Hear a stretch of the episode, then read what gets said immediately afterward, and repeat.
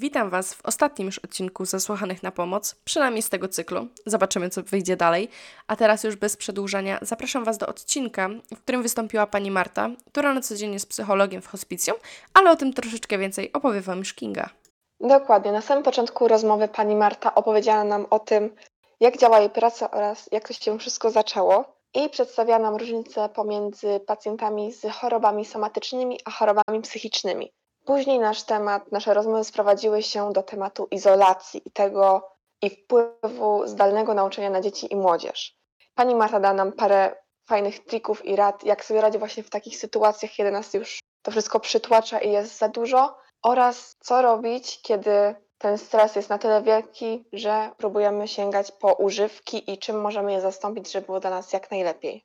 Nie przerywamy już dłużej i zapraszamy do oglądania.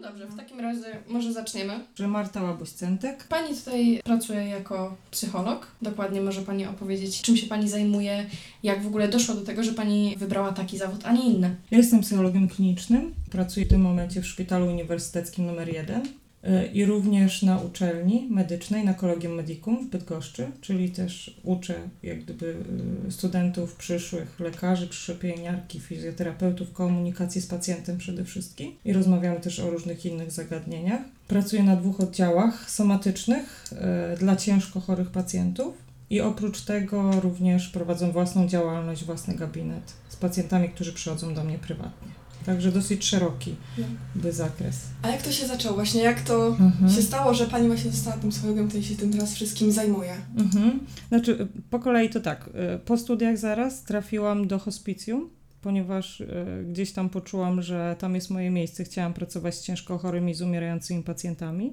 I przyznam, że bardzo dobrze się odnalazłam w tej pracy. Tam jest wiele lat spędziłam i takiej satysfakcjonującej pracy i zostawiłam naprawdę kawałek serca. A w tym momencie moja droga zawodowa się tak potoczyła, że przyniosłam się do szpitala i na uczelnię. A może opowie Pani więcej, kim jest pacjent somatyczny i Mhm, Dobrze, tak jasne. Pacjent somatyczny jest to e, pacjent, u którego generalnie stwierdzono jakąś chorobę somatyczną, tak? Jeżeli mamy podzielić choroby tak najbardziej ogólnie, to możemy je podzielić na somatyczne i e, psychiczne. Tak? Wielu psychologów jest kojarzonych e, z chorymi psychicznie, tak? Natomiast ja pracuję z pacjentem somatycznym, czyli z takim, u którego stwierdzono chorobę somatyczną. Na przykład w przypadku większości pacjentów e, szpitalnych, z którymi pracuję, to są pacjenci na przykład z chorobą nowotworową, tak? I, i innymi chorobami. Czyli to nie są chorzy, którzy trafili y, do szpitala ze względu na rozpoznanie psy- choroby psychicznej, tylko takiej zwykłej somatycznej choroby, tak to nazwijmy. Rozumiem, czyli Mhm. chodzi o to, że na przykład jeśli ktoś jest ciężko chory, to Mhm. Pani pomaga jakby przejść przez tą chorobę i... Dokładnie dalej. tak, dokładnie tak. Poradzić sobie z y, problemy różne z adaptacją do choroby, do tej nowej Mhm. sytuacji, jaką stwarza sytuacja choroby. Mhm. Dobrze, to może teraz tak. Y, Czy doświadczyła Pani takiego uczucia, że teraz w trakcie pandemii y, liczba, jakby ilość pracy teraz właśnie Mhm. u Pani, czy tam może znajomych z pracy się zwiększyła właśnie przez to, co mamy teraz wokół, czyli tą pandemię? Mhm. Znaczy to jest tak, na początku, jak się pandemia w ogóle zaczęła, e, jak zaczęła się panika, jak wszystko zaczęto zamykać, jak zamknięto szpitale i jak gdyby pacjenci też zostali sami, odizolowani od swoich bliskich, tak? I jak kładziono taki duży nacisk na stres też u pracowników ochrony zdrowia, to faktycznie zaczęło powstawać dużo różnych takich projektów i inicjatyw, które wiązały się z pomocą psychologiczną dla na przykład pracowników ochrony zdrowia, na przykład jakieś takie infolinie, e, teleporady dla ratowników powstawały, dla pielęgniarek, dla lekarzy, dla pracowników ochrony zdrowia, tak? I to faktycznie pojawiło się kilka takich propozycji pracy i e, wiele moich znajomych również miało takie propozycje pracy, tak? Ja akurat się nie zdecydowałam na taką dodatkową pracę ze względu na brak czasu już, tak? Nie, za, nie, nie, nie chciałam już, jakby nie miałam możliwości angażować się w kolejną rzecz. Natomiast faktycznie powstało e, w tym początkowym okresie wiele takich inicjatyw. Także to na pewno. Jeśli chodzi o właśnie pacjentów somatycznych Mhm. i to, jak przebywają na, Mhm. od, na oddziale, to czy często jakby pacjent somatyczny przechodzi w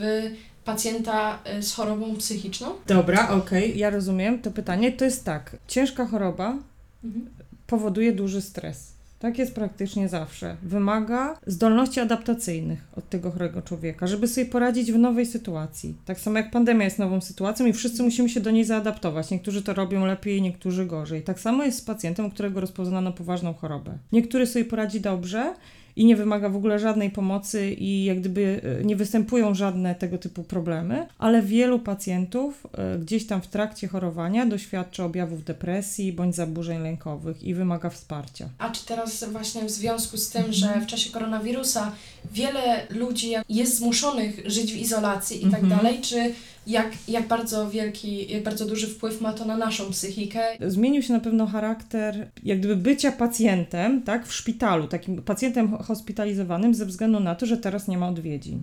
Tak?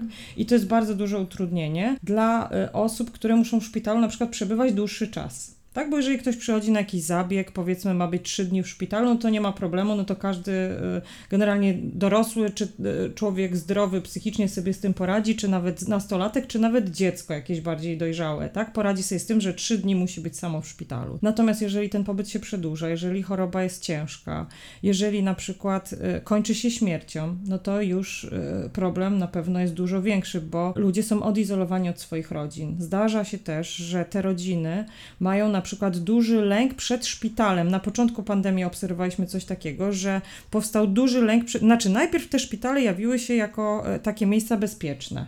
Tak? Później się okazało, że w szpitalach jest bardzo dużo zakażeń i rodziny na przykład bały się e, przyjść i przynieść, nie wiem, wodę, jakieś dodatkowe posiłki, bo wiadomo, że nie mogły wejść do tych pacjentów, ale żeby coś przynieść, tak? Czy jakieś środki higieny, mydło, szampon i tak dalej. I na przykład pacjenci nie mieli tego. Tak, bo rodziny się bały przyjść do szpitala. Zdarzało się też tak, nie? A więc problem odizolowania pacjentów od rodzin jest duży, nie? To jest na pewno źródło takiego cierpienia, takiego bólu emocjonalnego, to na pewno. Tęsknota i samotność i ta izolacja, nie? To wtedy jest taka izolacja ewidentnie fizyczna, tak? Pacjent jest na oddziale zamknięty, odizolowany od swoich najbliższych. Jedyne osoby, których widzi, to są, to jest personel, a jeżeli jest jeszcze chory na koronawirusa, jest na oddziale covidowym, to widzi personel w ogóle w ograniczonym e, zakresie czasowym i tylko w tym całym stroju.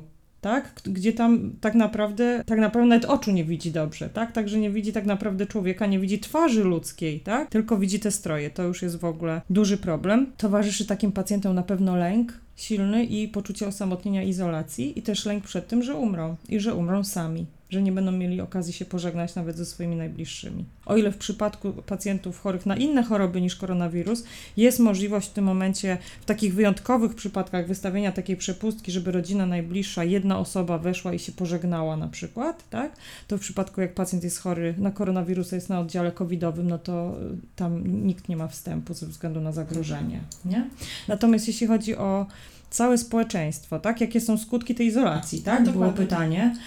No to e, można powiedzieć tak, to się troszeczkę zmienia z czasem, bo na początku myślę, że e, większości osób e, towarzyszył duży lęk związany z tym, co się dzieje, bo się pojawiło coś nowego, sytuacja, której nie znamy, jakaś sytuacja, która odbiega od wszystkiego innego, czego doświadczyliśmy. Nigdy nie doświadczyliśmy takiego czegoś. Człowiek zaczął się bać drugiego człowieka i była taka duża panika na samym początku. Później większość branż, dużo branż z, zmieniło swoje działanie, tak? Czyli się okazało nagle, że wiele, wiele osób może pracować zdalnie. Wcześniej o tym nawet nie było mowy, tak? Też e, nastąpiło coś takiego, że prawie wszyscy ludzie wzmocnili swoje zdolności informatyczne, tak? Nagle wszyscy się nauczyli wielu rzeczy, tak? Że jak się łączyć, jak obsługiwać Zooma, e, że, że wszystko można załatwić przez komputer, jak gdyby dos- nabrali doświadczenia w działaniu różnych aplikacji i tak dalej. E, Natomiast jak mijał czas, to pojawiła się też taka złość, u większości osób, że to się przeciąga, że ile można wytrzymać, tak? Że przecież już byliśmy cierpliwi, przecież się dostosowaliśmy do tych wszystkich zasad, a to nic nie dało, bo jest teraz coraz więcej i coraz więcej zakażeń i pojawiły się różne takie postawy społeczne, tak? Natomiast y, no niewątpliwie jest tak, że ta izolacja, można powiedzieć, ma dwie strony, tak? Z jednej strony część osób, jest część osób, które miały wcześniej już problemy z jakimiś kontaktami społecznymi, jakichś takich skrajnych introwertyków, albo takich osób, które źle się czują w towarzystwie innych, które mają taki lęk społeczny, nie potrafią, nie wiem, nawiązać kontaktu, się wypowiedzieć i każdorazowe na przykład pójście do szkoły, tak jak na przykład młodzież, tak? Są osoby, wiadomo, które się izolują, tak? Mają problem i też one są z reguły odrzucane przez resztę klasy, tak? I dla nich każdorazowe wyjście do ludzi jest stresem i w tym momencie dla nich to jest w jakiś sposób wygodne. Tylko, że skutki na pewno, taka izolacja roczna w tym momencie już, będzie miała duże, bo oni nie ćwiczą tych swoich i tak niedużych umiejętności społecznych, nie? Oni się zupełnie wycofali, im to jest w tym momencie wygodne, ale zaraz pewnie będzie jakiś powrót, nie? Im będzie, takim osobom będzie dużo, dużo trudniej wrócić, No nie? właśnie możemy Mhm. sami na własnym przykładzie zauważyć, że jednak pierwszym momencie, w Mhm. zeszłym roku, jak jeszcze sobie tutaj em, do tej szkoły Tak, uczęszczaliśmy, miały być te dwa tygodnie Tak, takich wszyscy wakacji mówili. dla nas, jakby, jakby tak uczniowie my się odebrali, że takie dwa tygodnie wolnego, Tak, nie ma wszyscy szkoły. się ucieszyli tak Tak, naprawdę, my, tak, że jest wolne. są z tych dwóch tygodni się zrobił rok i to już jest Tak. strasznie takie uciążliwe. Myślę, że są Mhm. ludzie przemęczeni tym na pewno. tu można zauważyć w ogóle, że mm, te dwa tygodnie miały być takim odizolowaniem się Mhm. właśnie mm, zdrowym dla nas, też dla naszego zdrowia, żeby Tak. odpocząć i Mhm. tak dalej.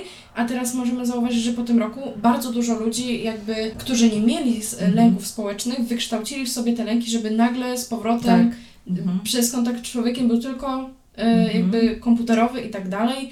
I nagle teraz musimy wyjść do ludzi, porozmawiać. Tak. Dużo osób właśnie jest bardzo podzielone zdanie na tych, którzy Mhm. chcą wrócić i którzy jednak już stwierdzili, że nie, nie wyobrażają sobie tego powrotu. W ogóle społeczeństwo się podzieliło pod względem y, na tych, którzy na przykład część społeczeństwa uznaje, że nie ma w ogóle czegoś takiego jak koronawirus, aczkolwiek myślę, że tych osób jest już coraz mniej, biorąc pod uwagę faktycznie liczby odnośnie zgonów i ilości zachorowań.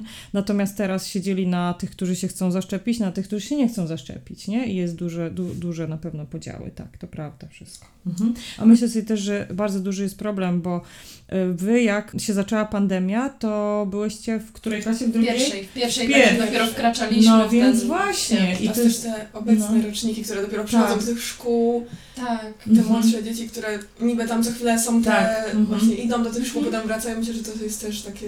E, Na tutaj minus. nawet Mhm. studenci, którzy nie, Mhm. zaczęli w tym roku, oni Tak. nigdy nie widzieli swojej uczelni. do, I to nigdy też nie widzieli swoich kolegów i koleżanek. Dokładnie, jakby tak? to też e, nie tworzy. W pierwszym roku często Mhm. tworzyły się te pierwsze grupy. No, te więzi międzyludzkie się to wszystko wytwarzało, te relacje się budowało, a teraz jest to, myślę, bardzo utrudnione. I to może mieć taki skutek, że później, jak już się zakończy ta pandemia, może być ciężko, żeby wrócić do, te, do tego Mhm.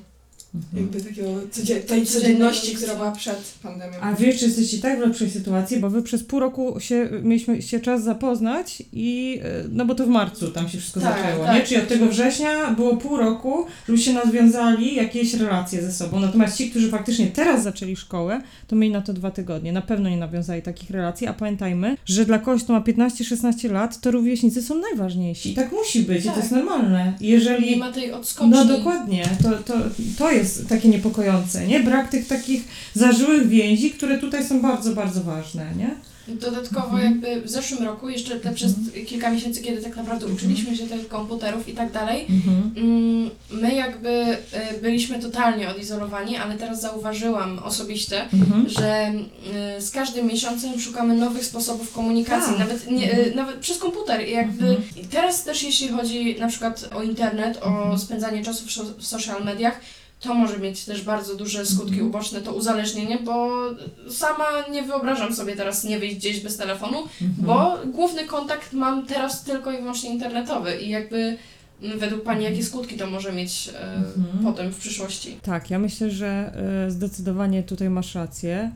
Y, Gdzieś tam y, te kontakty twarzą w twarz zostały zastąpione w dużej, dużej mierze y, przez kontakty przez internet, przez komputer, przez telefon. I z jednej strony to, że mamy w ogóle takie możliwości, to jest jakieś błogosławieństwo dla nas teraz, bo w ogóle mamy ze sobą kontakt, bo wyobraźcie sobie teraz chorych ludzi, którzy leżą kilka miesięcy w szpitalu i nie mogą nawet porozmawiać przez telefon ze swoimi najbliższymi. No to chociaż taka forma jest dostępna, tak? No ale z drugiej strony faktycznie y, jak gdyby zastępuje nam to taki kontakt twarzą w twarz i sprawia, że coraz bardziej nie potrafimy sobie już poradzić bez tego internetu i tak naprawdę, żeby zapobiec, y, mi się wydaje, na przykład przekroczeniu jakiejś granicy, jeżeli y, zauważamy u siebie coś takiego, że to już jest za dużo, tak? Że ja tak naprawdę ciągle patrzę w tą komórkę, że nigdzie się nie ruszam, nie wiem, do łazienki nie chodzę bez komórki, tak? Bo u niektórych to jest aż do, do tego stopnia, tak? Że jeżeli odczuwam głęboki niepokój, jak nie mam przy sobie telefonu, to znaczy, że jakaś granica została przekroczona i na przykład warto sobie wtedy założyć jakąś taką aplikację, która liczy nam czas, w, którym wpatrujemy się w telefon, tak? I założyć sobie, że na przykład do y, jakiejś tam ilości, tam minut czy godzin jest w porządku, ale jeżeli to przekroczę, to już muszę się pilnować, żeby nie, nie przekroczyć granicy i nie narobić sobie kłopotów, takiego uzależnienia, tak? W postaci takiego uzależnienia.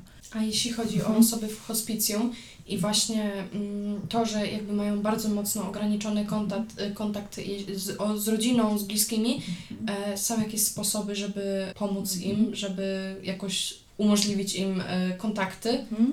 Tak, y, powstały też różne projekty. Też je- jeden z projektów to jest taki, że zostały zakupione telefony tak, na oddziały, na przykład nie tylko, jak gdyby raz to są ciężko chorzy pacjenci, tak, ale y, telefony na przykład zostały zakupione na oddziały covidowe, tak, żeby y, taki pacjent mógł jak gdyby się połączyć i porozmawiać ze swoimi najbliższymi. No staramy się też wykorzystywać w pracy y, z pacjentem różne możliwości, na przykład jeżeli pacjent ma przy sobie tablet, czy o, ja pracuję też na jednym z oddziałów, gdzie jest po prostu tablet do kontaktu pacjentów y, z rodzinami. Tak? A więc w ten sposób staramy się chociaż, tak? Tak jak jest to możliwe. Na przykład czasem rodziny, nie wiem, przynoszą e, jakieś rzeczy i pacjenta można na wózku podwieźć do okna, żeby chociaż się zobaczyli, albo przez szklane drzwi. No to jest takie przykre, ale to jest jakikolwiek zastępczy taki kontakt, żeby chociaż zobaczyć, że ta druga strona żyje i ma się dobrze, tak? Bo to jest czasem tak, że się ci pacjenci zastanawiają, ja nie wiem, czy na pewno z moją rodziną jest wszystko w porządku. Oni mówią, że są zdrowi, ale nie wiem, czy może ukrywają to przede mną, żeby mnie nie martwić. A tu widzi, że przyjechał, tam stoi, ma się dobrze i macha mi przez okno. I wtedy to też są takie chwile wzruszenia, nie? Także no robimy to, co możemy, tak jak są możliwości. No miejmy nadzieję, że e, teraz jak te szczepienia będą postępować, e, to gdzieś tam już zostaną przywrócone w jakimś tam ograniczonym chociaż stopniu, ale te odwiedziny, bo to jest jednak bardzo ważne dla pacjentów, dla poczucia bezpieczeństwa takiego, nie? Dla więzi. E, Jak pani sobie radzi z Mhm. tym, jak bardzo pogorszyło się wpływanie na pacjentów? Nie wiem, jak to nazwać, Mhm. to, że no, wszystko obraca się wokół kontaktu i Mhm. tego, tych więzi. Znaczy, powiem tak, w początkowym okresie też e, jak gdyby była taka sytuacja, że zauważyłam, że pacjenci to jakoś tak e, zaakceptowali. Tak? Z jednej strony wydawało mi się, że mają takie poczucie bezpieczeństwa w tym szpitalu, które później okazało się złudne, a z drugiej strony mieli poczucie solidarności, że nie było żadnych wyjątków, wszyscy byli odizolowani. Tak? Jak ja sobie radzę, powiem szczerze, że ja miałam wtedy takie poczucie, że ta moja rola jest ważna nie? Że e, oni nie mają przy sobie tych bliskich, więc że ja im chociaż mogę towarzyszyć, nie? Czyli e, jak gdyby e, ta praca przynosiła po prostu satysfakcję. Wcześniej też, ale tutaj jak gdyby widziałam, że dużo tych pacjentów jest po prostu spragnionych tego, żeby ktoś przyszedł, usiadł przy nich i z nimi porozmawiał, nie? No jednak myślę, że tutaj tego brakuje, właśnie ta izolacja, no to ta Mhm. rozmowa na, z kimkolwiek jest ważna Mhm. mimo wszystko.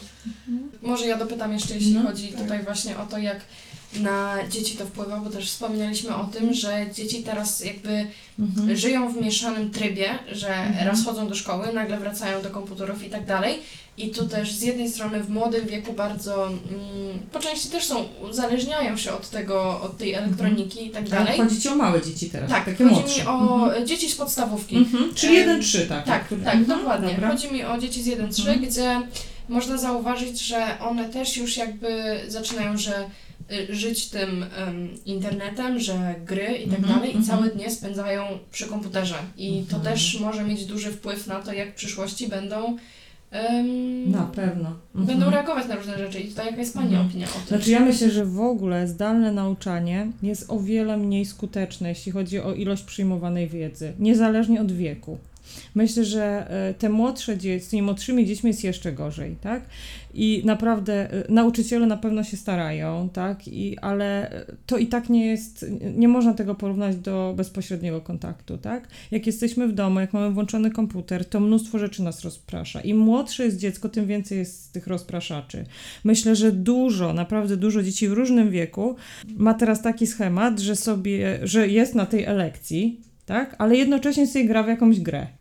Tak? Albo może to już trochę starsze, tak, że e, powie, że jestem, e, przy sprawdzaniu obecności idzie dalej spać. Myślę, że bardzo źle to wpływa i na naukę, i na ilość przyjmowanej wiedzy, tak, ale też na to, że powiedzmy, że jak chodzi, dzieci chodzą normalnie do szkoły, tak, no to są ileś godzin w szkole, przychodzą e, do domu, jedzą obiad, jest popołudnie, mają chwilę, żeby pograć sobie w te gry, czy wejść, na, porobić coś na telefonie, tak? Ale ta ilość czasu jest ograniczona, bo były w szkole, a tutaj ten czas spędzony przez, przed ekranem, czy to telefonu, czy komputera, to czasem jest nieprzerwany, nie? Od rana do wieczora.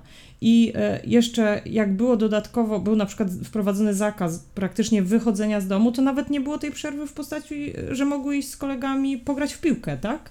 A więc no zdecydowanie myślę, że wpływa te, te, to źle, bo y, później trudno jest się oderwać już od tego komputera. Im więcej godzin spędzam przy nim w ciągu dnia, tym bardziej mi go brakuje, nie? I tym bardziej już nie potrafię się odnaleźć w tej rzeczywistości, jak nie mam komputera przed sobą. I dlatego taki lęk już później towarzyszy im w momencie, jak zostawiam na przykład telefon. W ogóle jak zostawimy gdzieś telefon, to już strasznie jest wtedy. Gdzieś wracamy, prosimy kogoś, żeby nam przywiózł. No właśnie, a propos tego, Mhm. jakby wszystko teraz się otacza Mhm. tego, że siedzimy w domu, Mhm. jakby łączy nam się ten Mhm. czas wolny z tym, co mamy robić w Mhm. szkole, w pracy.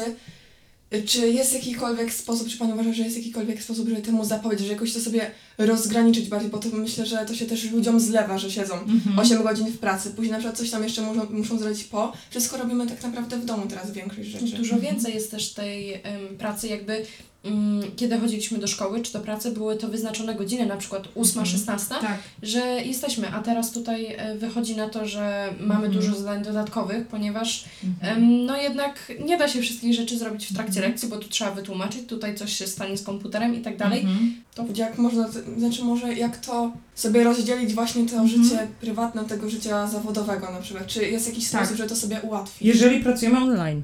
Myślę, że jest bardzo ważne wyznaczenie sobie samemu takich granic czasowych, jakie mieliśmy jednak chodząc normalnie do pracy. Tak? Czyli, że jeżeli pracowałam od 8 do 16 i w tym momencie siedzę przed komputerem od 8 do 16, to po 16 nie odbieram telefonów, które dotyczą pracy. Po prostu nie. Stawiam granice, tak? Bo jeżeli sobie rozciągniemy ten y, czas pracy na cały dzień, to nie mamy tego czasu na odpoczynek. Tak? I ta równowaga zostaje zaburzona, jesteśmy wiecznie zmęczeni i wiecznie w pogotowiu, tak? Nie ma takiego czasu na relaks i na takie odpuszczenie sobie, nie? A też bardzo dużo osób y, przez przejście na y, pracę online i też uczniów, młodych osób, ale też dorosłych, ma niestety problemy ze snem, bo przez to, że możemy trochę dłużej spać i różne rzeczy robić z domu, to wiele osób zarywa nocki. Tak, brzydko mówiąc, i siedzi do nocy, ogląda jakieś seriale, gra w jakieś gry, rozmawia na jakichś tam komunikatorach, tak? I przez to zupełnie o wiele gorzej funkcjonujemy w, środku, w, w ciągu dnia. Nie? A tu, jak trzeba było wstać faktycznie na przykład na ósmą do szkoły, no to wstawałyście powiedzmy 6.30, czy tam jeszcze wiadomo, czas trzeba się ubrać, y, umyć, przygotować, zjeść śniadanie, wyjść i dojechać do tej szkoły. A tu to y, jeszcze funkcjonuje teraz wiele osób y, w takim trybie stroju dzienno-nocnego, tak? Jak ma na ósmą lekcję, dokładnie 7.55 się po prostu włącza komputer. Jestem I ma nadzieję, że pani nie każe włączyć kamerki, tak? Tak. A więc jest bardzo, y, jest, y, zostały jak gdyby takie granice rozmyte, nie? Między y, tym czasem na pracę, na naukę i czasem na odpoczynek. Nie? A to jest bardzo szkodliwe. Musi być ten czas, tak? Musi być, że wracam do domu, skończyłam moje obowiązki, czy też jestem na pracy online, skończyłam moje obowiązki i teraz już mnie nic nie obchodzi. Nie przykładam sobie tego na wieczór, żeby jednak umieć zrobić coś takiego dla własnego zdrowia. I tutaj właśnie Pani wspomina, że Mhm. e, zaburzona ilość snu, zmęczenie, e, Mhm. dług, jakby brak tego harmonogramu e, normalnego życia codziennego, mm, to może wpływać jakby na nasze poczucie psychiczne i czy jakby Mhm. prowadzić do chorób. Na samopoczucie na pewno. W ogóle zaburzony rytm snu i czuwania bardzo na nas wpływa. Tak? Ale cała izolacja i cała ta sytuacja na pewno sprzyja rozwojowi depresji i zaburzeń lękowych. Na pewno więcej jest przypadków osób, które zauważają u siebie takie objawy. Tak? Objawy e, tego typu depresji, jak na przykład, nie wiem, obniżony nastrój, ale też obniżony napęd, że, czyli że nie jestem w stanie się zebrać do różnych rzeczy nie mam w sobie takiej siły, żeby się zmusić, żeby coś zrobić. Z jednej strony bym chciała, ale jakby nie mam takiej siły psychicznej, tak? Jestem taka dętka, po prostu na nic nie mam siły, ciągle jestem zmęczona. To, że nawet śpię, nie daje mi odpoczynku. Mam poczucie, że wszystko jest bez sensu. Na przykład najbardziej na pewno dotyka to młodych ludzi, tak? Bo pojawiają się takie e, zdania, że no ja już drugi raz nie będę miała 16 lat. No taka jest prawda, tak? Tracicie gdzieś rok bardzo ważny swojego życia, tak? Który jakby nie było pandemii wyglądałby inaczej, nie? Tutaj nas też to dotyka, bo jakby teraz no e, właśnie. my jesteśmy rocznikiem 18, Tak. więc to jest taki jakby No powiedzmy właśnie. bardzo młody i Mhm. E, właśnie przez to, że ten sen, czyli Mhm. dzięki Pani możemy sobie bardziej to usprawiedliwić, że to zmęczenie i to poczucie beznadze- Mhm. beznadziejności to jest wszystko spowodowane tym, że nie rozgraniczamy sobie tego czasu i jakby Mhm. tutaj możemy właśnie prowadzić do tego, czyli jak młodzi ludzie mogą sobie radzić z tym, Mhm.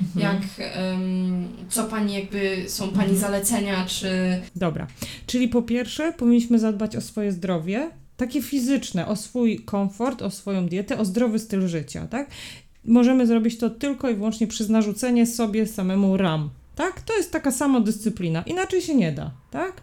Czyli mówię sobie, nie, nie funkcjonuje dobrze, jeżeli chodzę spać o pierwszej, tak? W ogóle sen po północy nie daje już takiego odpoczynku jak ten, który się zaczyna przed północą. To jest taki punkt, tak? Że odcięcia. Jak chodzę spać po północy, to zdecydowanie gorzej funkcjonuje. Mam gorszą koncentrację uwagi, gorzej przyswajam wiedzę, jestem rozdrażniona, tak? I mam gorsze samopoczucie psychiczne i fizyczne, tak? A więc powinno się chodzić spać tak naprawdę przed północą, żeby dobrze funkcjonować. A więc to jest kwestia samodyscypliny, tak? Oprócz tego staram się tak jak mogę i jak na to pozwala sytuacja, zachowywać jednak więzi, bo to jest szczególnie w waszym wieku niezwykle istotne, tak? Teraz, jak jest ciepło, to na pewno bezpieczniejsze są na przykład, nie wiem, spotkania na świeżym powietrzu, tak? Czyli mogę się umówić na rower, na spacer, tak? Iść gdzieś do lasu z psem, umawiać się ze swoimi znajomymi tam, gdzie czuję się w miarę bezpiecznie. Minął czas, też trochę się przyzwyczailiśmy do poczucia zagrożenia i się mniej boimy, nie? Przestrzegam jednak zaleceń i jakichś tam podstawowych zasad, natomiast staram się te więzi utrzymywać w ramach y, jak gdyby moich możliwości, tak? Część z nich przez internet, ale jeżeli wiem, że na przykład, nie wiem, ja już przeszłam chorobę i moja koleżanka, no to my tak naprawdę możemy się w miarę bezpiecznie, przynajmniej przez jakiś czas spotykać, tak? To wykorzystuję te takie okienka, albo ktoś z moich znajomych już przeszedł chorobę, tak? To on jest przez jakieś, no, nawet jeżeli nie jest szczepiony, powiedzmy te trzy miesiące bezpieczne, ani on mnie nie zarazi, ani ja już jego, jeżeli ja bym była chora, tak? A więc mogę też się w miarę z takimi ludźmi się spotykać, tak? Którzy się czują bezpiecznie i wiem, że oni też dla mnie nie są już zagrożeniem, nie? Także takie różne okienka wybieram, tak? Y, Gdzie mogą być te kontakty twarzą w twarz i one są w mia- jak, jakby jakiegoś takiego wielkiego ryzyka nie niosą, nie? O w ten sposób. Także o to jest warto dbać, na pewno. Mm, powszechne. Myślę, że tutaj jest taki stereotyp, że jak ktoś idzie właśnie do psychologa, idzie po pomoc Mhm. właśnie o tą psychikę, że o siebie zadbać, to się jednak twierdzi, że o, coś tam nie Mhm. tego, coś ma z głową, jakieś tam, czasami są różne jakieś Mhm. docinki, no są różne opinie. Tak. Jakby Że psycholog jest ten od tych chorych psychicznych. tak, a też na przykład jeżeli chcę zadbać o swoje ciało, idę sobie do siłowni, ćwiczę Mhm. do trenera i to jest Tak. normalne. To Tak. jest, nie wiem, dlaczego, z czego to wynika, jakby Mhm. skąd to przekonanie, jak pani Ja, ja myślę, że to jest w tym momencie jeszcze mentalność Polaków, tak? Bo e, gdzieś na zachodzie to, że e, wręcz jest, e, czasem jest przesada w drugą stronę, że więc wręcz to jest powód do, nie wiem, do chwalenia się, że chodzę na terapię, mam swojego terapeutę, tak? Wręcz jest w drugą stronę, tak? Natomiast no, myślę, że tu należy zachować rozsądek, tak? To, że chcę sobie pomóc i coś poprawić u siebie, no to jest jedynie e, świadczy o tym, że o siebie dbam. Tak, że mam zdrowy rozsądek, że nie chcę dopuścić do tego, żeby moje problemy przerodziły się w coś większego, w coś gorszego, tak? W jakąś chorobę, w jakiś stan, z którego będzie mi już trudno wyjść, tak? Że reaguję. A jeżeli już to jest taki stan, no to tym bardziej zwracam się po pomoc, żeby nie zostać samemu. Czy uważa Pani, że jakby tą taką mentalność, takie myślenie, właśnie to takie trochę stereotypowe, można jakoś temu zaradzić, jakoś, zaradzić, e, jakoś uświadomić? jak mamy podejść do ludzi, e, żeby tego przekonania nie było, żeby eliminować, żeby ono jakby z czasem e, no, przestało być przekonaniem takim złym. Ja Bo- myślę, że tak, że są różne kampanie społeczne, tak, że terapia to nie wstyd. Myślę, że to jest ważne. Natomiast, że też jest ważne podejście każdego z nas. Że jeżeli mam taką sytuację w życiu, że muszę korzy- skorzystać z pomocy, czym muszę, czy chcę, tak, dokonuję takiego wyboru z pomocą psychologa, psychoterapeuty bądź psychiatry, to po prostu nie ukrywam tego, nie traktuję tego jako mojej największej, najbardziej wstydliwej tajemnicy. Nie muszę oczywiście tego rozgłaszać wszemi obec, ale tym bliskim osobom mogę o tym powiedzieć, tak? I wtedy nagle się okazuje, a wiesz co, to ja ci się przyznam, to ja też byłam, tak? I nagle się okazuje, że wiele osób korzystało z takiej pomocy, tylko się wstydziło. A jak my już jakby zrobimy ten pierwszy krok, że powiemy, że nas to też dotyczy, to nagle się okazuje, że to jest wiele, to, to wielu osób to dotyczy, nie? Dużo młodych ludzi teraz zauważa u siebie objawy właśnie te przez wywołanej izolacją, czy nawet depresji, że już nawet Mhm. na przykład nie mają siły wziąć prysznicu, wszystko Tak, jest tak. e, bezsensowne i tak dalej, Mhm. ale z strony rodziny nie ma wsparcia. Nie ma tego Mhm. jakby, że nie, nie wiem, Mhm. czy nie śpisz po prostu, jesteś leniwy Że i tak jesteś dalej. leniwy. To jest najczęstsze przekonanie, nie? Że Dokładnie. nic nie robisz, bo jesteś leniwy. To I jest bardzo często. jak osoba, Mhm. często poniżej 18 roku Mhm. życia, czyli sama nie może zgłosić się do tego lekarza, czy właśnie może, Mhm. może, bo Mhm, tutaj masło maślane, ale jak sobie młoda osoba może z tym poradzić? Ja myślę, że może, tak? Jest generalnie tak, że osoba, która skończy 16 lat, tak, ma już, ma już prawo współdecydować o swoim leczeniu, ma już prawo do tego, że lekarz, nawet jak rodzice są przeciwni, to jej przekazuje informacje, rozmawia z nią, jak gdyby współdecyduje taka osoba, odkąd skończy 16 lat. I jest dużo różnego rodzaju infolinii, na które można zadzwonić, bądź może też zadzwonić do swojego lekarza, pierwszego kontaktu poprosić o taką pomoc i on ją dalej pokieruje. Tak? Są też poradnie zdrowia psychicznego w Bydgoszczy, jest kilka miejsc, gdzie można za darmo iść do psychologa, ale mówię, ale powstało też wiele inicjatyw w koronawirusie. To wystarczy wpisać jak gdyby w internet, gdzie i myślę, że takie e, miejsca, gdzie można się zwrócić po pomoc, można bez problemu znaleźć. E, Tutaj może też tak zahaczę o temat. Mhm. Mamy pandemię, mamy izolację, stresujemy się, myślę, jeszcze więcej, mamy tych problemów i często, żeby jakoś odwrócić uwagę od tego stresu, sięgamy po jakieś używki, nie wiem, papier, często to są jakieś papierosy, alkohol, jakieś uzależnienia, żeby uwagę od Mhm. tego, że jednak coś się dzieje, że mamy ten Tak. stres, że się... Mhm. Mhm. I jak Pani uważa jakby...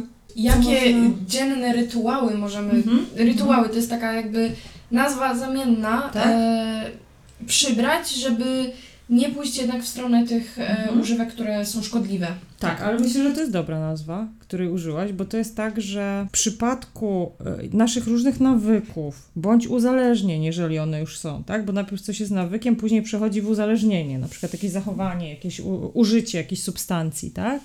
To jest tak, że jeżeli czujemy już, że mamy z tym problem, to tak naprawdę szczególnie w sytuacji, gdzie towarzyszy nam duży stres, pojawia się jakaś no, jakieś nowe zagrożenie, jakim jest koronawirus, jakim jest pandemia, tak? To trudno nam będzie z tego jakby zrezygnować, albo trudno będzie nie pójść w tym kierunku, bo to jest jednak coś, co tak. Z jednej strony obniża poziom stresu i lęku, uspokaja nas, z drugiej strony sprawia, że się rozluźniamy, a z trzeciej strony pozwala sobie trochę radzić z nudą. Siedzę w tym domu, Wcześniej, nie wiem, paliłam pięć papierosów dziennie, teraz zaczynam palić ponad paczkę, bo po prostu z nudów. Jak ktoś siedzi z domu i ma coś takiego, jak gdyby y, na przykład te papierosy przy sobie, to po prostu jednego za drugim, nie kontrolując tego, pali, tak? A więc tak, rytuały, tak? Warto jest zamienić te niezdrowe rytuały na jakieś zdrowsze. Tak? I jeżeli, zau- no i znowu już kwestia samokontroli, tak? Samoobserwacji, zauważam, tak, co się nagle dzieje, dlaczego po prostu tych papierosów tak dużo schodzi. Wcześniej ktoś pił, nie wiem, dwa piwa na przykład w miesiącu, a teraz już codziennie sobie te piwa przynosi. Jeżeli zauważam takie zachowanie u siebie, to staram się to zmienić na jakieś zdrowe zachowanie, prozdrowotne, bo to są zachowania antyzdrowotne, tak? Jeżeli pierwsze to jest zauważyć, drugie zamienić, bo ciężko jest wyeliminować i zostawić pustkę. Nie? Bo wtedy nam czegoś brakuje. Lepiej jest zrobić coś innego po prostu. Czyli na przykład jak mam ochotę iść sobie kupić kolejną nie, butelkę wina, to zamiast tego idę na spacer. Tak? Przyjdę do domu, już mi się nie będzie chciało iść. Tak? Ale też nie mieć różnych rzeczy. Jak wiem, że mam tendencję do czegoś, to po prostu nie posiadam tego w domu i wtedy jest naprawdę łatwiej. Tak samo jak ktoś ma, nie wiem, tendencję zajadania się słodyczami, to naprawdę jak ma całą szafkę słodyczy po Wielkanocy, bo dostał od wszystkich cioć i babci, to je zje w te 2-3 dni, a jak nie ma, to nie je, tak? I taka jest prawda, że też bezpiecznie jest nie mieć po prostu różnych rzeczy. Oczywiście, że można powiedzieć, że super jest ćwiczenie silnej woli, ale naprawdę nie każdy tą silną wolę posiada. Że e, zawsze dobrym sposobem zamieniania złych nawyków na dobre jest zamienianie tych złych na jakiś ruch, tak? I, bo ruch jest jak gdyby prawie zawsze zdrowy i jest, można powiedzieć, że lekarstwem na większość rzeczy. Bo, bo my mamy fundację na przykład, która wspiera nasz oddział i to się nazywa Jak Fundacja w stronę życia, którym na przykład ja parę lat temu organizowałam bieg charytatywny e, Mhm. dla tej fundacji, tam zebraliśmy dużo pieniędzy i nasi pacjenci na przykład dostali nowe materace przeciwodleżynowe, jakieś kwiaty na patio i tak Mhm. dalej, to może to. No dobrze, no to tutaj mamy jeszcze, e, poruszy, poruszyliśmy temat Mhm. dzieci, poruszyliśmy temat nastolatków, a seniorzy. Tutaj jest kwestia tego, że oni jakby już i tak w dużej części zmagali się z samotnością, a teraz jest to Mhm. wzmożone. Dodatkowo są w dużej fali ryzyka. Tak. Jak to na nich wpływa? Mhm.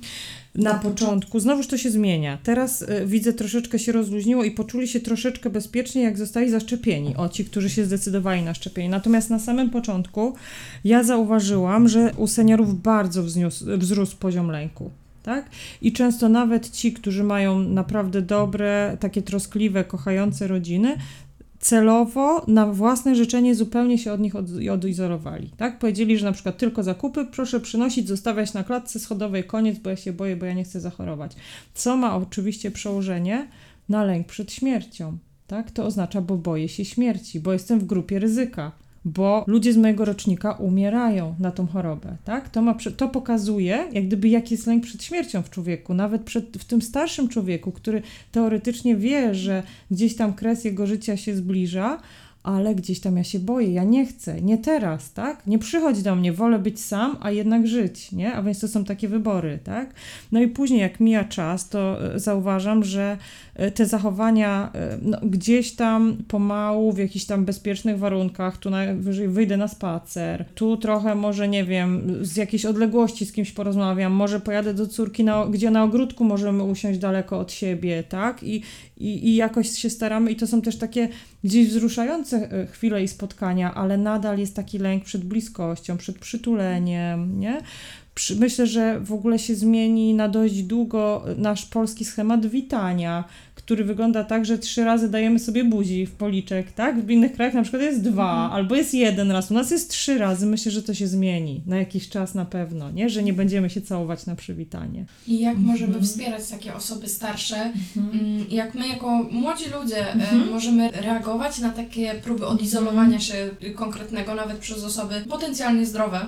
Chodzi mi tutaj mhm. o ogół um, organizmu, a niekoniecznie koronawirusa mhm. i jak możemy my im pomagać w życiu mhm. codziennym.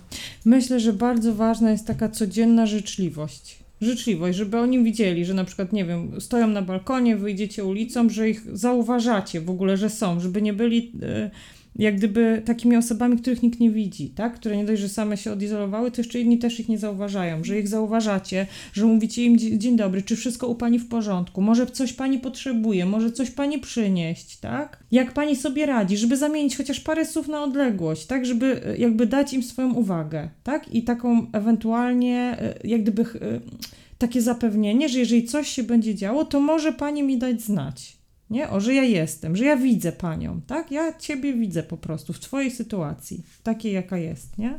Czyli wbrew mhm. pozorom jakby trudna sytuacja jakby mhm. całego kraju, całego świata, mhm. jakby wzbudza w ludziach większą potrzebę życzliwości, potrzebę pomagania sobie w, zamiast właśnie wzajemnego, tu, czy nawet rywalizacji, czy czegokolwiek. Tak, tak mi się wydaje, bo też y, wiele y, obserwujemy takich gestów, nie? Że jak ktoś jest na przykład... Y, Y, nie wiem, jest na izolacji. Na początku było tak, że ludzie się bardzo bali i na przykład bali się, jak w ich bloku, w ich klatce schodowej mieszka jakiś medyk. Takie mieliśmy też historie, nie? To wtedy gdzieś tam takie wręcz y, gesty agresywne występowały. Natomiast teraz jest raczej tak, że jak ktoś jest izolo e, izolowany, to sąsiedzi się pytają, jak pomóc, czy wyprowadzić psa, tak? A więc to jest taki kontakt dosyć bliski, bo jednak trzeba chwycić tą smycz, którą przed chwilą trzymała ta osoba chora i teoretycznie, no, mogłoby tutaj istnieć jakieś ryzyko przeniesienia, może nieduże, ale jednak, tak? Często, no, ta osoba chora też się stara zabezpieczać jak może i tej smyczy na przykład tylko w rękawiczce dotyka, tak? I ją podaje osobie, która wyprowadza psa też w rękawiczce, tak? No, ale jest bardzo dużo się spotykamy, z tym, że ludzie są dla siebie życzliwi, że jednak e, chętnie pytają te starsze osoby, czy w czymś im pomóc, nie? Też ważne jest dla tych starszych osób, żeby one jakąś taką rutynę codzienną zachowały, tak? Żeby to nie było tak, że rano się budzą i przez cały dzień zastanawiają się, jak straszna jest ich sytuacja. Tylko żeby coś sobie zaplanowały, że coś zrobią. Y, nie wiem, że jak gdyby codziennie na przykład po śniadaniu jest czas na jakiś tam odpoczynek, relaks, później na przykład czytają książkę, później na przykład jest czas na ulubiony serial, tak?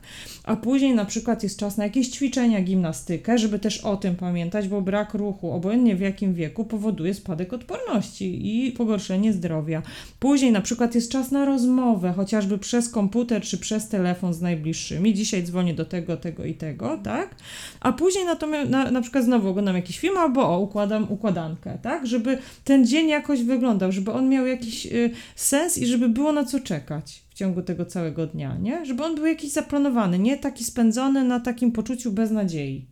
A zresztą nawet my, jak mamy taką sytuację, obojętnie w jakim wieku, tak, y, że nagle jest izolacja albo kwarantanna, która trwa dłużej niż izolacja, tak, bo kwarantanna to z reguły tam jest 17 czy teraz do 20 kilku dni, w zależności od sytuacji, jak się, y, jak osoba, z którą mieszkamy, y, jak długo ma objawy, tak, to może się przeciągnąć do 20 kilku dni. Często niektórzy ludzie, szczególnie ci, dla których bardzo ważne są spotkania i takie relacje społeczne, bardzo to przeżywają. Jak ja mam w ogóle sobie poradzić, tak? I od razu wpadają w jakąś czarną rozpacz. Natomiast warto sobie też zadać takie pytanie: w tym pędzie codziennego życia, ile razy myślałam sobie, ja nie mam czasu zrobić na przykład tego i tego, i teraz sobie to przypomnieć, i być może to jest ten czas, żeby właśnie na to, jak gdyby tu moją uwagę skierować, na coś, na co naprawdę długo nie miałam czasu, a co zawsze chciałam zrobić, a przynajmniej parę lat temu, i zapomniałam o tym już zupełnie. Zrezygnowałam z tego, bo nie miałam dla siebie czasu, a teraz mam dla siebie czas, nie? Mogę teraz coś miłego zrobić, coś, co naprawdę zawsze lubiłam, a po prostu brakowało mi tego czasu. Była taka sytuacja, że zachorowaliśmy, y, ja zachorowałam i moja rodzina. To bardzo dużo osób y, do mnie zadzwoniło, czy pomóc. To było naprawdę bardzo, bardzo, bardzo dużo osób. Nie?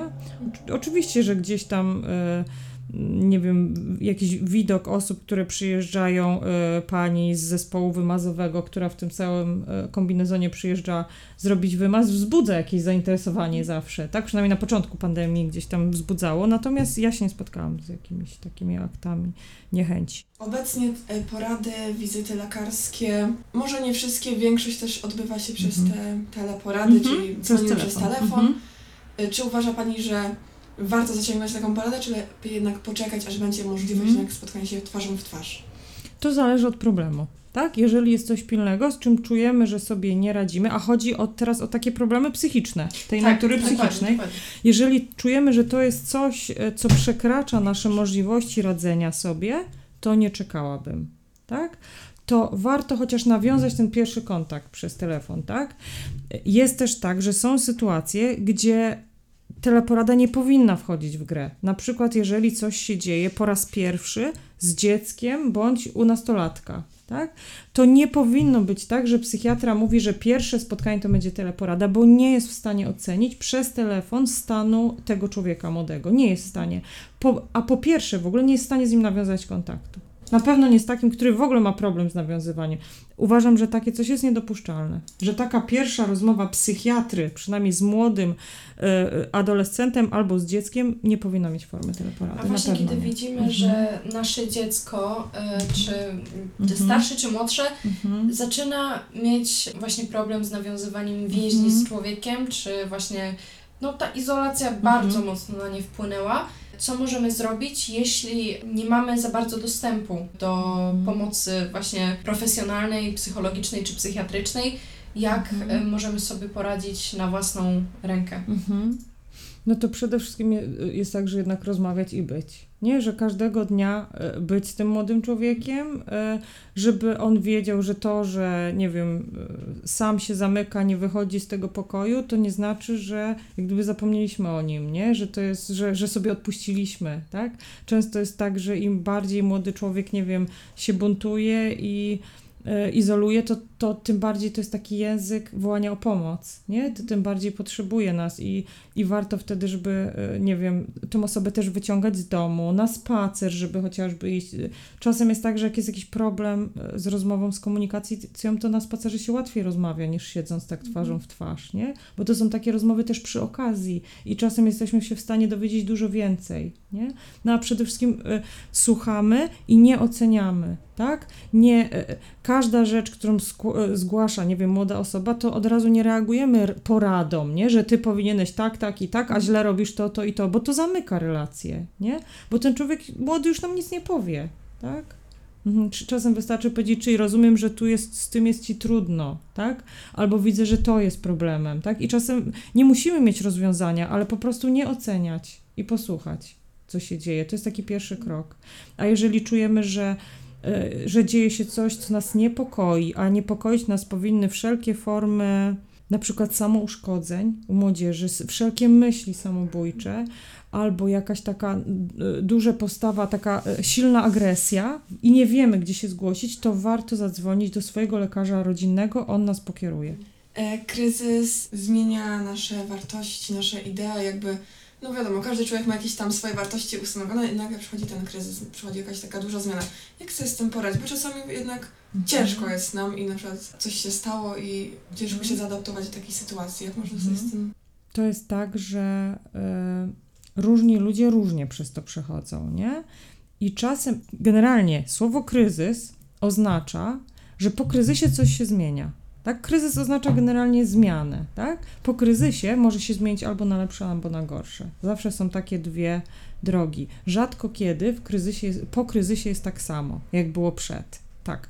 Myślę, że taką sytuację można porównać do kryzysu. Tak? I teraz w zależności od sposobu radzenia sobie danej jednostki, po kryzysie będzie albo lepiej, albo gorzej. A będę, będę funkcjonować lepiej, bardziej doceniać życie, bardziej o siebie dbać, bardziej zwracać uwagę na takie czynniki prozdrowotne, a może będzie tak, że odpuszczę sobie, że zamknę się w sobie, że stwierdzę, że chcę mieć właśnie taką pracę online już do końca. Myślę, że wiele dziedzin y, zostanie gdzieś tam, będzie dopuszczało przynajmniej część stanowisk na takiej pracy online, bo się przekonaliśmy, że to jest po prostu możliwe, tak? I myślę, że to będzie takie wyjście na złe, nie? Że się zamknę i pomimo, że zagrożenie już minie, to ja nadal będę chciała na przykład funkcjonować w ten sposób, tak? A więc też warto znowuż siebie obserwować, czy czasem nie robi mi się, nie porobiło mi się coś takiego, że mam taki silny lęk albo niechęć do takich spotkań normalnie, nie? I jeżeli mi się tak porobiło, to jednak trochę na siłę jak gdyby spotykać się, żeby nie dopuścić do tego, że przyjdzie taki moment, że powiem, ja już nie jestem w stanie, ja nie potrafię. Nie? A więc obs- obserwować siebie i obserwować też osoby ze swojego otoczenia, bo one mogą tego nie widzieć, tak samo jak ja mogę nie widzieć, że coś się ze mną dzieje, nie? I wtedy porozmawiać, dać znać, jak ja to widzę i po prostu dbać o siebie wzajemnie. A jeśli chodzi tutaj z powrotem o dzieci, bo jednak Mhm. e, z nimi tutaj jest powiedzmy no najtrudniej w tej sytuacji im się odnaleźć i tak dalej. Jeśli widzimy, że one są już odizolowane, jakby czują się odizolowane, e, chcą być w tej izolacji, a one nie mają tej samokontroli, tego, Mhm. tej woli walki, e, czy to co możemy zrobić, bo jednak na siłę nie damy rady ich wyciągnąć do ludzi i tak dalej, Mhm. a teraz e, właśnie wtedy musiały chodzić do szkoły, teraz Mhm. ta szkoła jest e, online, Mhm. one są rozproszone, ten poziom nauki też jest inny Mhm. i spędzają ten czas w internecie. Tak. Mhm. I jak my możemy Znaczy to jest tak, że y, to jest już kwestia tutaj kontroli jednak rodziców. Nie, bo dziecko faktycznie, tak jak mówisz, samo siebie nie będzie kontrolowało i nie powie, no tak, dzisiaj grałam na, w gry na komputerze 3 godziny, to jest za dużo, to jest dla mnie szkodliwe. No nie wierzę, że jakiekolwiek dziecko tak powie, tak? Tylko będzie grało tak długo, aż po prostu padnie i zaśnie, tak? Przy, ty, przy tych grach. A więc faktycznie to jest kwestia kontroli rodziców i tak jak mówisz, że nie będziemy wyciągać na siłę, trochę możemy wyciągać na siłę, nie? Może, powinniśmy się oczywiście umawiać z tym dzieckiem, tak? Czyli tak, jeżeli masz lekcję online, to po lekcjach online wyłączasz komputer. Po prostu do godziny 18 nie ma komputera w ogóle, tak? Jeżeli chcesz, to od 18 do 19 możesz chwilę pograć, tak? Masz tam godzinę, żeby pozałatwiać swoje sprawy, napisać SMS-y i tak dalej, tak? Ale później znowu nie. Później na przykład wybierz, czy dzisiaj chcesz iść na spacer, czy jutro. Czyli nie, nie pytam, czy chcesz iść na spacer, bo powie nie, ja wolę grać, tylko pytam, chcesz iść na spacer dzisiaj czy jutro. To jest twój wybór. Jakby daję tego typu wybory. A tutaj jak to zrobić, żeby nie wyjść powiedzmy na osobę złą? Y, Mhm. Chodzi o to, że mm, są też osoby, które są oddzielone od swoich rówieśników Mhm. kilometrami można powiedzieć, bo Mhm. jednak osoby na wsiach jedyny Tak. sposób Mhm. kontaktu jakie mają jest to ten internetowy. I jak Mhm. tutaj właśnie z tym sobie radzić, kiedy dziecko właśnie z jednej strony nie chcemy y, Tak. kontaktu z, z rówieśnikami urywać, a z drugiej strony spędza długie godziny w młodości, można Mhm. powiedzieć, w świecie nierealistycznym. Znaczy powiem tak, że na, na przykład jeżeli chodzi o nastolatki, tak, to ten kontakt z rówieśnikami jest na tyle ważny, że jeżeli on po prostu nie ma możliwości spotkać się w realu, to ja bym pozwoliła trochę więcej na taki kontakt, bo to jest tak ważne, nie? Natomiast też kontakt z człowiekiem to jest z tą najbliższą rodziną, tak? Też chodź ze mną na spacer, chodź my coś zrobimy razem, nie? Czyli też wyciąg- odciąganie tego człowieka od tego komputera, od tego telefonu do wspólnej jakiejś aktywności. No dobrze, no to może takie Więcej. w małym podsumowanku się zapytam, czy Mhm. mm, jak możemy pomagać jako osoby młode, co możemy robić, żeby pani pracę ułatwić, czy nawet osobom w Mhm. izolacji ułatwić Mhm. jakby tą Mhm. izolację. Przede wszystkim dbać o siebie i o siebie nawzajem. O, tak. I myślę, że niezależnie od wieku można to robić, a wy możecie to robić, ponieważ jesteście zdrowe i macie siły. I możecie, nie? Możecie pomóc innym. Czy wyprowadzić psa, czy po prostu zapytać o swoją e, po prostu ludzką życzliwością. Nie? Czyli dbać z jednej strony być uważnym na siebie, ale też być uważnym na czyjeś potrzeby. Nie? I wtedy to się wszystko tak dopełnia, że nie ma potrzeby że- pójścia do psychologa. W takim razie my bardzo dziękujemy Tak, za wywiad. Wiemy tak naprawdę, że ta życzliwość jest bardzo e, ważna i samokontrola jest e, główną rzeczą, która pomoże nam przetrwać. Sama obserwacja, czyli trzeba sobie ustawić w Mhm. głowie kilka takich lampek czerwonych, które się będą zapalać, jak przesadzimy z czymś. O, to jest ważne. Tak, myślę, że tutaj też parę jakichś tutaj rzeczy, może Mhm. Ktoś ze słuchających nie wiedział, jakoś tutaj się dowiedział, coś tam. Dokładnie. No, to myślę, że tutaj ta rozmowa może też pomóc innym, Jak reagować na niektóre sytuacje, które... albo jak sobie właśnie też pomóc samemu. Też, dokładnie. No dobrze, to dziękuję. Dziękujemy. Dziękuję bardzo. Dziękujemy bardzo serdecznie za oglądanie tego odcinka. Mam nadzieję, że Wam się podobał, jak i podobała Wam się nasza cała tutaj krótka przygoda z podcastami i że coś udało Wam się z tego wynieść mimo wszystko i czymś Was zainspirowaliśmy, zainteresowaliśmy. A teraz przychodzi ten moment odcinku, kiedy proszę Was o to, żebyście zalajkowali i zasubskrybowali. Oczywiście, jeśli Wam się to spodobało, ale także zapraszam Was do udostępniania, żeby jak najwięcej osób dowiedziało się o tym, co próbowaliśmy tutaj zrobić. Także dziękuję Wam bardzo jeszcze raz Do widzenia. i miłego dnia.